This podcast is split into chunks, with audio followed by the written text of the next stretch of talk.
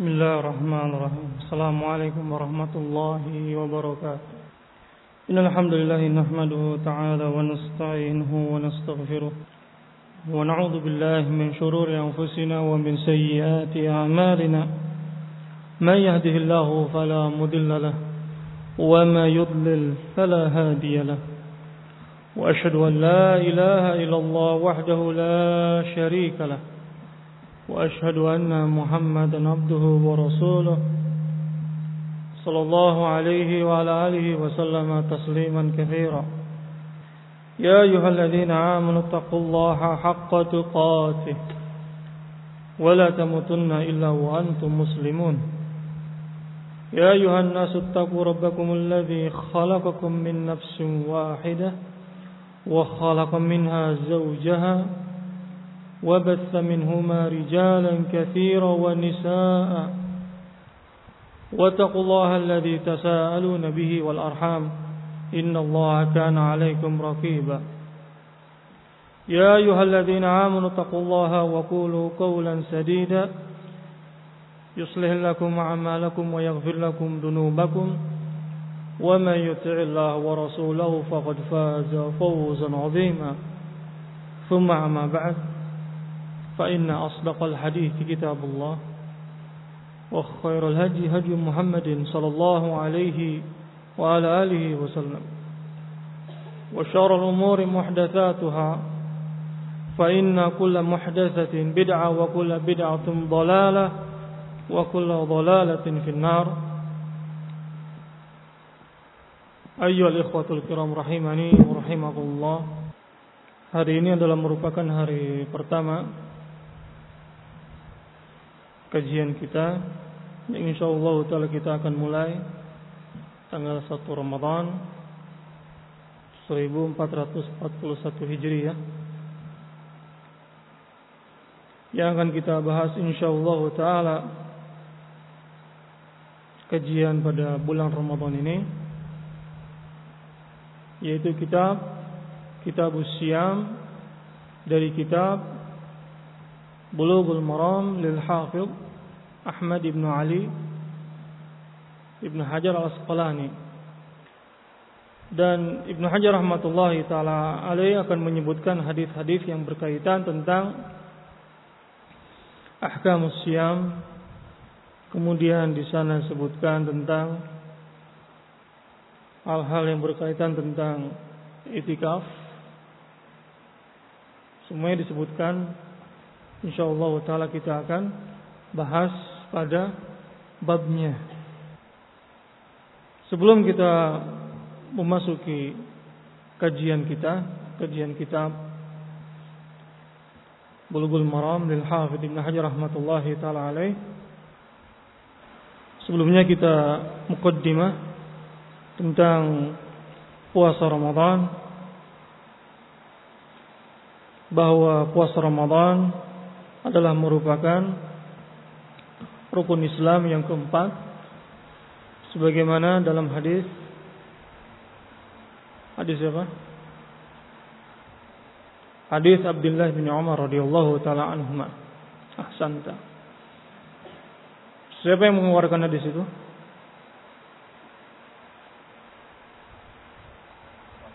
Mutafaqun alaih. Naam.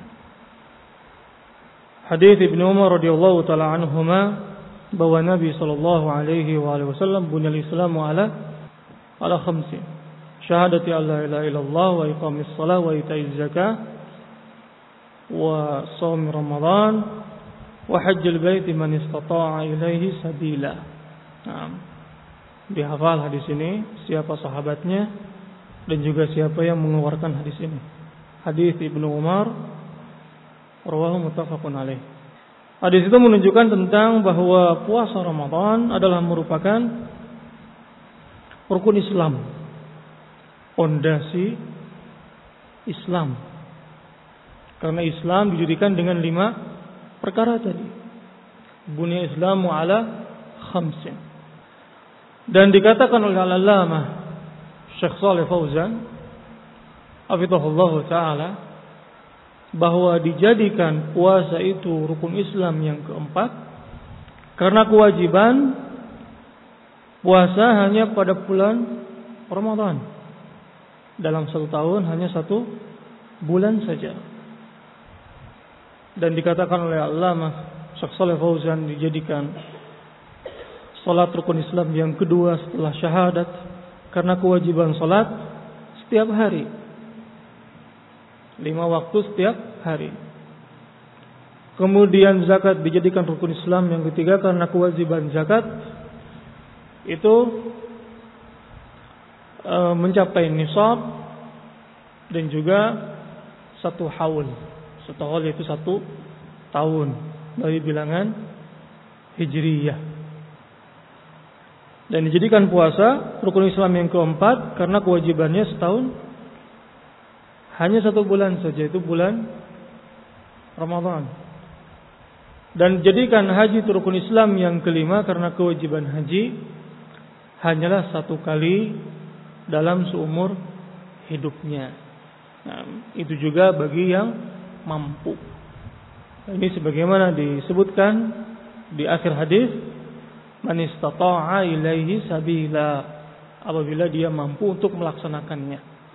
Dan kewajiban puasa Ramadan sebagaimana firman Allah Subhanahu wa taala, "Ya ayyuhalladzina amanu kutiba alaikumus syiyam kama kutiba 'alal ladzina min qablikum la'allakum tattaqun."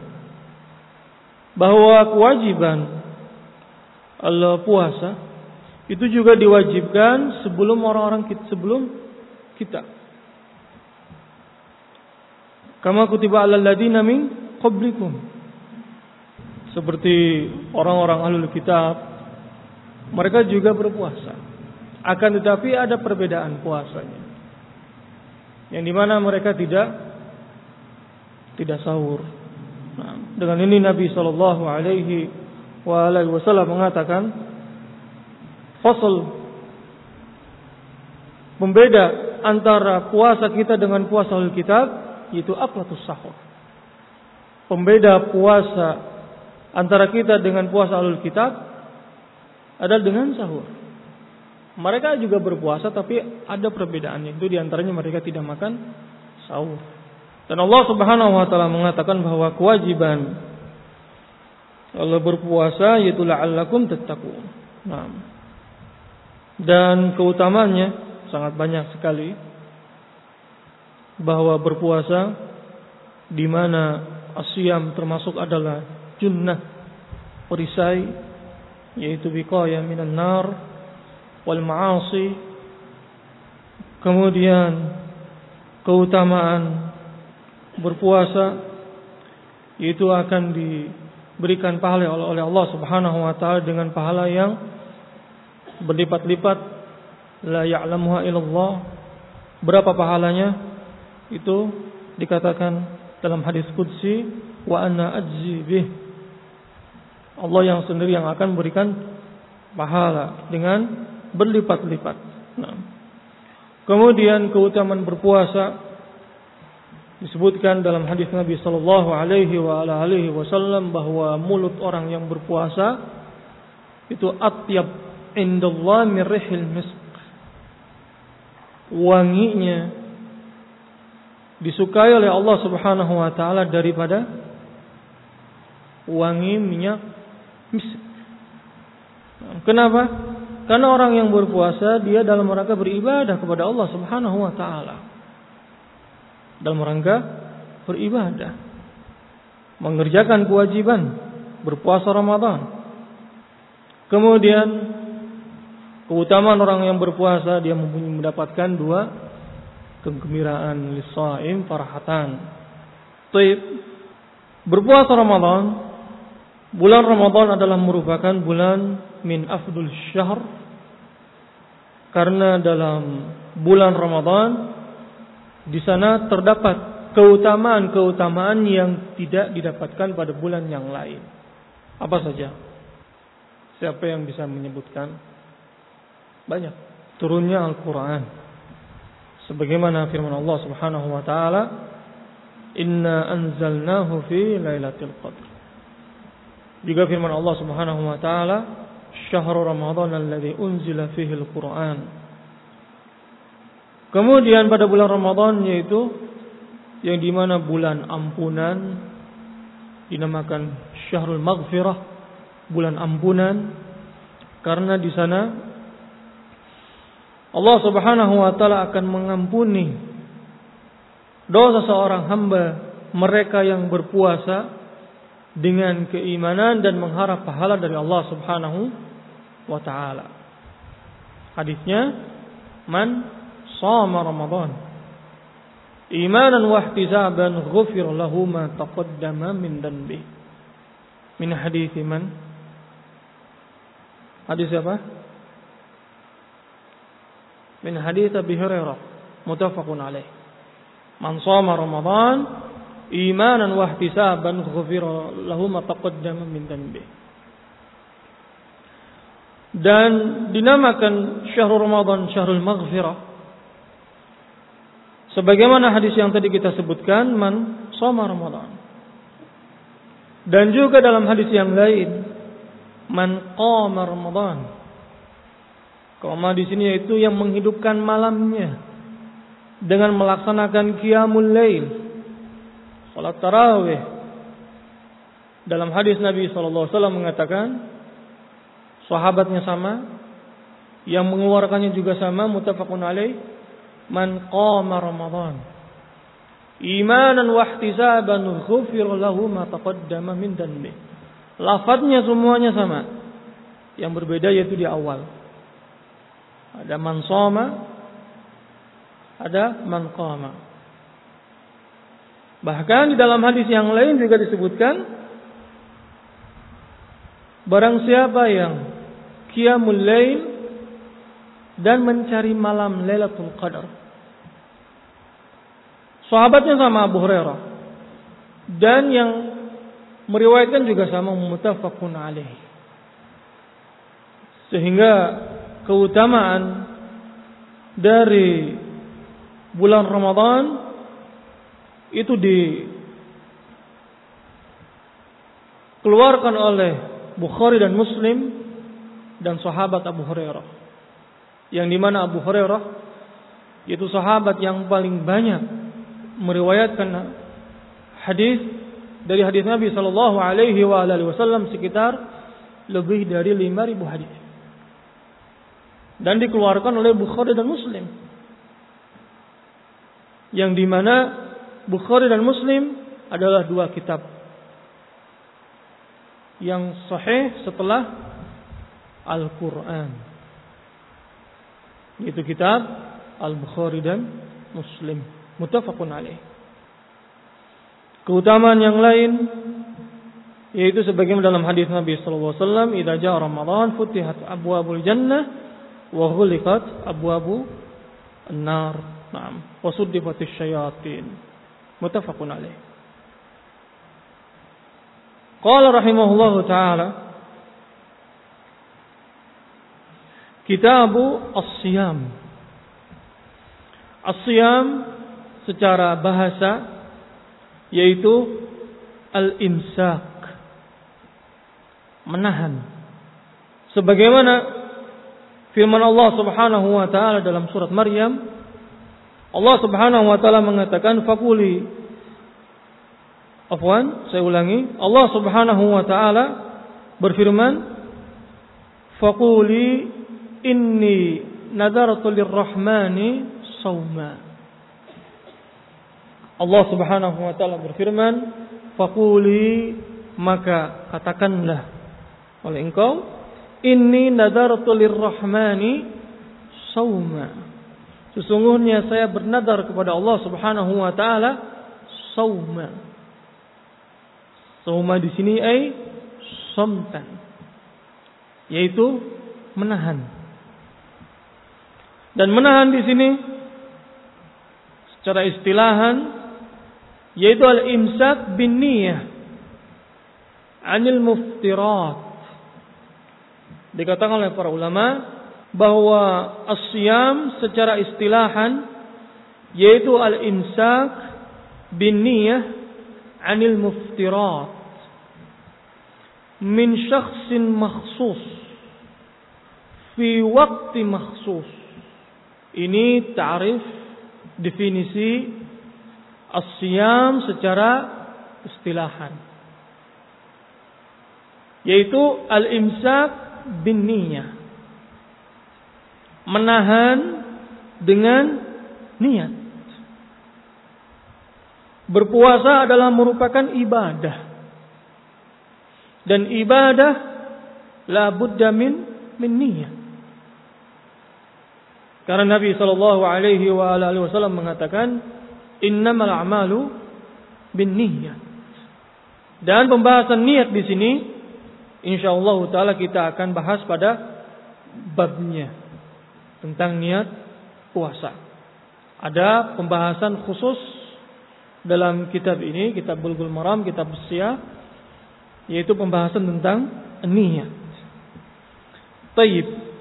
Kita teruskan bahwa asyam secara istilahan al-imsak bin niyah anil muftirat menahan dengan niat anil muftirat dari sesuatu yang bisa batalkan puasa. Dan muftirat di sini yaitu al-aql, makan, minum dan jima. Yang tiga di sini ini mutafakun alaih. Seseorang yang apabila melakukannya dengan sengaja mutafakun alaih bahwa puasanya batal. Nah, dan di sana ada beberapa perkara yang khilaf di antara para ulama selain dari yang disebutkan. Selain dari makan, selain dari minum, selain dari jima. Yaitu selain ini khilaf di antara para ulama. Seperti contohnya Allah berpekam yang insyaallah taala kita akan bahas pada pembahasannya.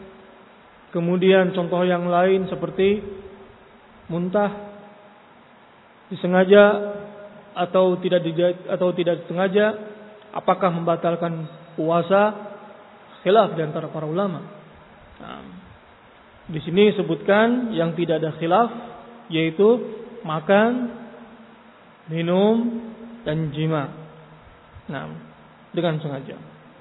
Al-imsak bin niyah 'anil muftirat min syakhsin makhsus. Kita teruskan definisi dari asyam yang tadi kita sebutkan yaitu al-imsak bin niyah. Dia menahan puasanya dengan niat dari sesuatu yang bisa membatalkan puasanya dari makan, minum, ataupun jima. Min syaksin maksus dari seseorang yang khusus. Min syaksin maksus di sini yaitu seorang yang muslim. Al-mukallaf. Al-Muslim keluar kepadanya kafir. Karena berpuasa adalah ibadah. Yang di mana ibadah di sini ditunjukkan hanya kepada Allah Subhanahu wa taala. Untuk Allah Subhanahu wa taala. Sehingga syarat dari kewajiban puasa Ramadan yaitu al-Islam. orang yang kafir kemudian dia masuk Islam maka dia tidak wajib baginya untuk mengkodok puasa yang ketika dia pada masa kafir. Kemudian yang kedua al-mukallaf bahwa syarat kewajiban puasa Ramadan dari orang-orang yang khusus yaitu al-mukallaf. Apabila disebutkan al-mukallaf yaitu akil, balik. Berpuasa itu kewajiban puasa Ramadan itu orang yang akil. Sedangkan orang yang majnun tidak ada kewajiban baginya. Kenapa? Majnun. Bagaimana dia akan beribadah? Sedangkan dia tidak punya akal, majnun. Kadang ngomong sendiri, teriak-teriak sendiri, cungkir balik di jalanan sendiri atau lain sebagainya, majnun. Bahkan sholat pun Tidak ada kewajiban baginya. Kemudian kewajiban dari syarat dari kewajiban puasa Ramadan al-bulugh yaitu balik. Karena Nabi Shallallahu Alaihi Wasallam mengatakan, rufi al qalam anis salasa bahwa kolam itu rufi'a diangkat dari tiga orang. Ini tidak dosa baginya. Apabila tidak mengerjakannya, yaitu as-sabi hatta yahtalim. Anak kecil sampai dia yahtalim. Yahtalim itu sampai dia balik. Sehingga anak kecil yang belum balik dia tidak ada kewajiban untuk berpuasa Ramadan. Akan tetapi perlu untuk dilatih agar dia terbiasa nanti ketika dalam keadaan dia sudah balik memasuki bulan Ramadan dia sudah bisa untuk melaksanakan puasa Ramadan. Nah, dilatih setengah hari misalkan atau lebih dari dari itu agar dia bisa melatih dirinya berpuasa. Nah, kalau bisa satu hari penuh, bahwa ahsan, bahwa bahwa ahsan. Apabila memberatkan dirinya, karena dia misalkan belum mampu, maka boleh baginya untuk tidak berpuasa. Karena dia tidak ada kewajiban. Anak kecil yang belum belum balik. Kemudian kewajiban syarat dari kewajiban berpuasa Ramadan yang telah kita lewati al-Islam, al-bulu, tanda-tanda bahwa seorang anak itu sudah balik ada beberapa tanda. Yang pertama ihtilam. Dia bermimpi dengan mimpi yang khusus. Kemudian yang kedua tumbuh bulu kemaluan. Di sekitar kemaluannya bulu tumbuh bulu. Nah, itu tanda bahwa dia telah telah balik. Kemudian wanita dia telah telah haid. Kemudian syarat dari kewajiban berpuasa Ramadan sehat. Dia dalam dalam keadaan sehat. Orang yang dalam keadaan sakit dia boleh baginya untuk tidak berpuasa Ramadan, akan tetapi wajib baginya untuk mengkodok nanti di selain pada bulan Ramadan. Hal ini sebagaimana firman Allah Subhanahu wa taala, "Wa man kana maridan aw 'ala safarin fa'iddatun min ayyamin ukhra." Allah Subhanahu wa taala mengatakan, "Wa man kana maridan" Apabila seseorang sakit atau dia dalam keadaan safar, Fa'iddatun min ayamin ukhar. Maka puasanya diganti di waktu yang lain. Sehingga orang yang sedang dalam keadaan sakit yang di mana sakitnya tadi dia tidak mampu untuk berpuasa. Atau bahkan ditakutkan apabila dia berpuasa akan bertambah. Sakitnya akan bertambah. Dalam keadaan seperti ini boleh baginya untuk tidak berpuasa pada bulan Ramadan karena kan dia mempunyai udur akan tetapi diganti nanti fi ayamin ukhar di waktu yang yang lain. Kemudian yang berikutnya al-iqamah. Orang yang sedang dalam keadaan mukim. Orang yang sedang dalam keadaan safar boleh baginya untuk berbuka? Jawabannya boleh. Dan pembahasan ini kita akan bahas pada babnya tentang berpuasa dalam keadaan safar. Akan tetap pada babnya nanti ada pembahasan khusus bahwa orang yang sedang dalam keadaan safar boleh baginya untuk berbuka sebagaimana firman Allah Subhanahu wa taala wa man kana maridan wa ala safarin fa'iddatun min ayyamin ukhra. Karena seseorang dalam keadaan safar Sebagaimana Nabi Shallallahu Alaihi Wasallam mengatakan as-safar atun minal minal azab. Potongan bagian dari siksaan. Yang di mana dia sulit untuk tidur. Sulit untuk istirahat. Pusing.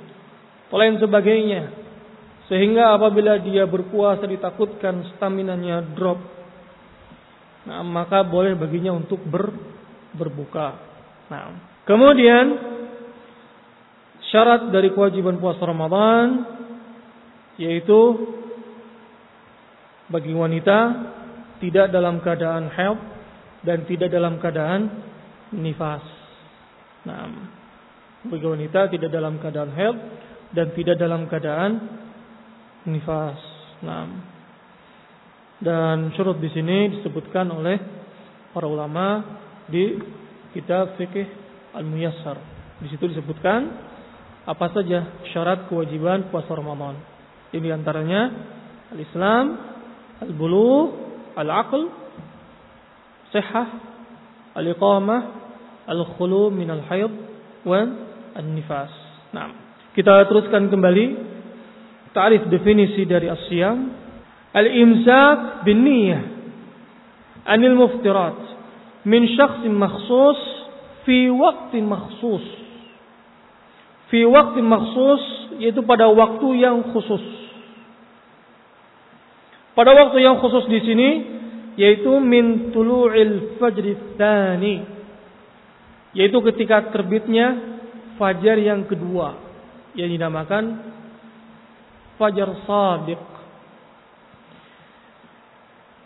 Min tulu'il fajr tsani ila ghurubisy syams. Sampai matahari terbenam. Hal ini sebagaimana firman Allah Subhanahu wa taala وكلوا واشربوا حتى يتبين لكم الخيط الأبيض من الخيط الأسود من الفجر Allah subhanahu wa ta'ala berfirman wa kulu washrabu dan makanlah dan minumlah hatta yatabayyana lakumul khaytul abyadu minal khaytil aswadi minal fajr sampai jelas terhadap kalian lakumul khaytul abyad. Khaytul abyad di sini yaitu nahar. Bayad an-nahar. Yaitu cerahnya an-nahar. Minal khaytil aswad dari benang aswad. Benang aswad di sini yaitu malam hari. Ini merupakan ayat firman Allah Subhanahu wa taala bahwa waktu berpuasa itu ada waktu khusus yang dimulai ketika terbitnya fajar yang kedua. Sehingga di dalam tarif definisi di sini fi waktu maksus bahwa kewajiban berpuasa adalah min tulu'il fajr tsani ketika terbit fajar yang kedua. Nah, di sana ada beberapa yang 10 menit ah, ya kira 10 menit sebelum adzan itu orang-orang menahan makan dan minumnya. Bahkan di speaker-speaker disebutkan dengan kalimat al-imsa al-imsa. Al-imsa artinya menahan sehingga mereka tidak makan. Dalam rangka ihtiyat. Padahal di sana tidak ada dalilnya dari Al-Quran dan Sunnah. Selama adzan, selama adzan belum dikumandangkan dari terbit fajar yang kedua, boleh seseorang makan dan minum. Fakulu sebagaimana firman Allah Subhanahu wa taala wa kulu washrabu hatta yatabayyana lakumul khaytul abyadu minal khaytul aswadi minal minal fajr. Nah, kita cukupkan pertemuan kita sampai di sini. Insyaallah taala pertemuan berikutnya kita akan masuk ke hadis yang pertama dari kitab Bulughul Maram insyaallah taala pada pertemuan berikutnya. Naktafi lahun subhanakallahumma bihamdik astaghfiruka wa atubu ilaik. Walhamdulillahirabbil alamin. Assalamualaikum warahmatullahi wabarakatuh.